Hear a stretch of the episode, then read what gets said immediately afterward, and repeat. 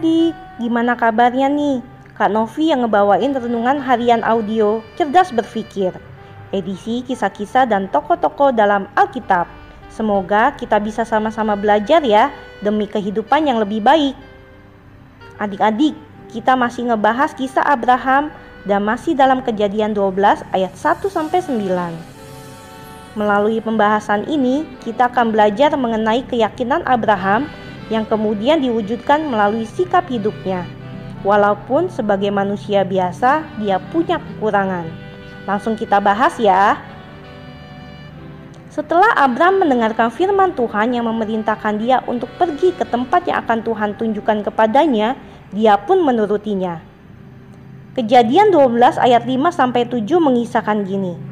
Abram membawa Sarai istrinya dan Lot anak saudaranya dan segala harta benda yang didapat mereka dan orang-orang yang diperoleh mereka di Haran, mereka berangkat ke tanah Kanaan lalu sampai di situ.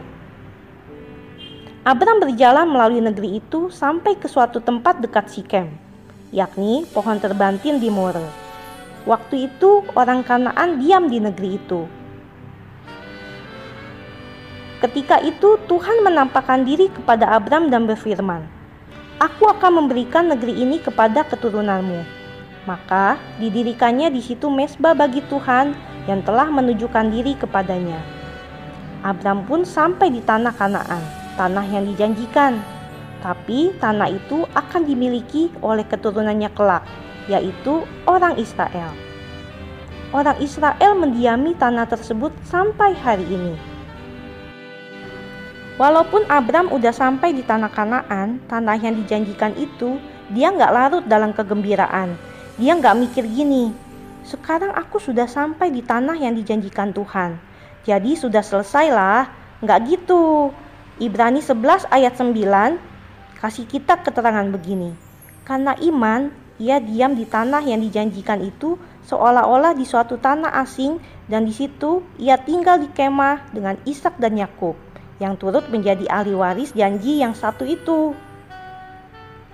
Hmm, unik juga ya udah sampai di tanah yang dijanjikan, tapi malah bersikap kayak orang asing di sana.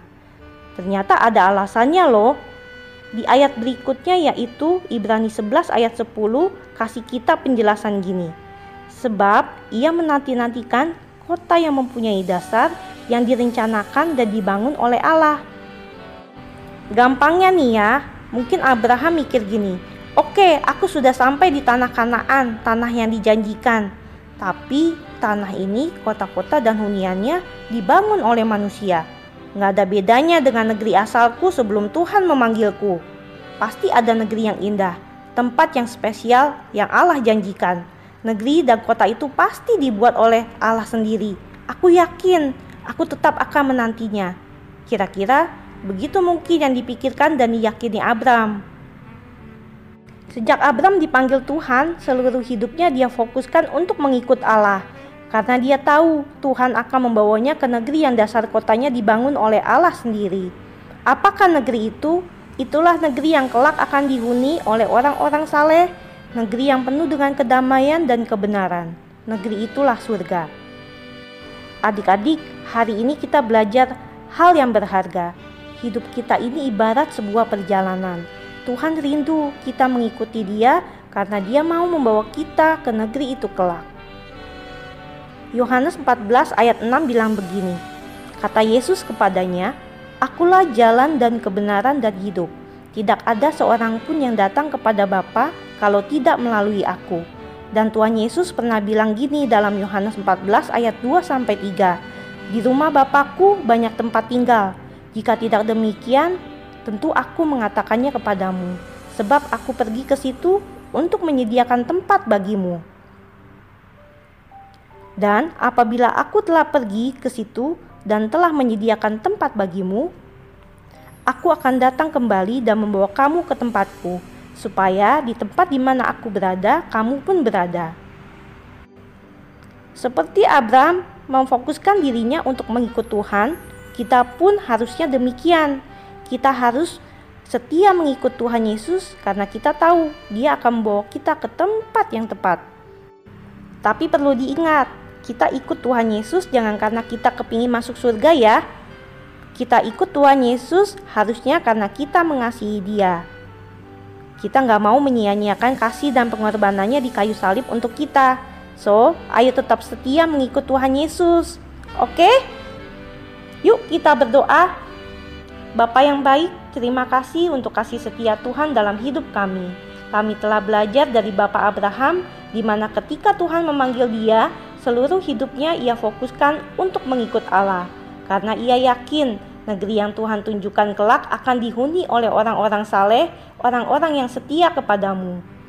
Negeri yang penuh dengan kedamaian dan kebenaran, tempat yang tepat yaitu surgamu Bapa. Kami tidak mau menyia-nyiakan kasih dan pengorbananmu di kayu salib untuk kami. Untuk itu, kami mau menjadi anak yang setia dan tetap mengikut jalanmu seumur hidup kami. Karena firmanmu berkata, Akulah jalan dan kebenaran dan hidup. Tidak ada seorang pun yang datang kepada Bapa kalau tidak melalui aku. Terima kasih Bapa, hanya di dalam nama Tuhan Yesus kami sudah berdoa dan mengucap syukur. Haleluya. Amin. Oke, tetap sehat, tetap semangat, dan tetap jadi berkat. Jangan lupa bahagia ya. Tuhan Yesus memberkati. Dadah.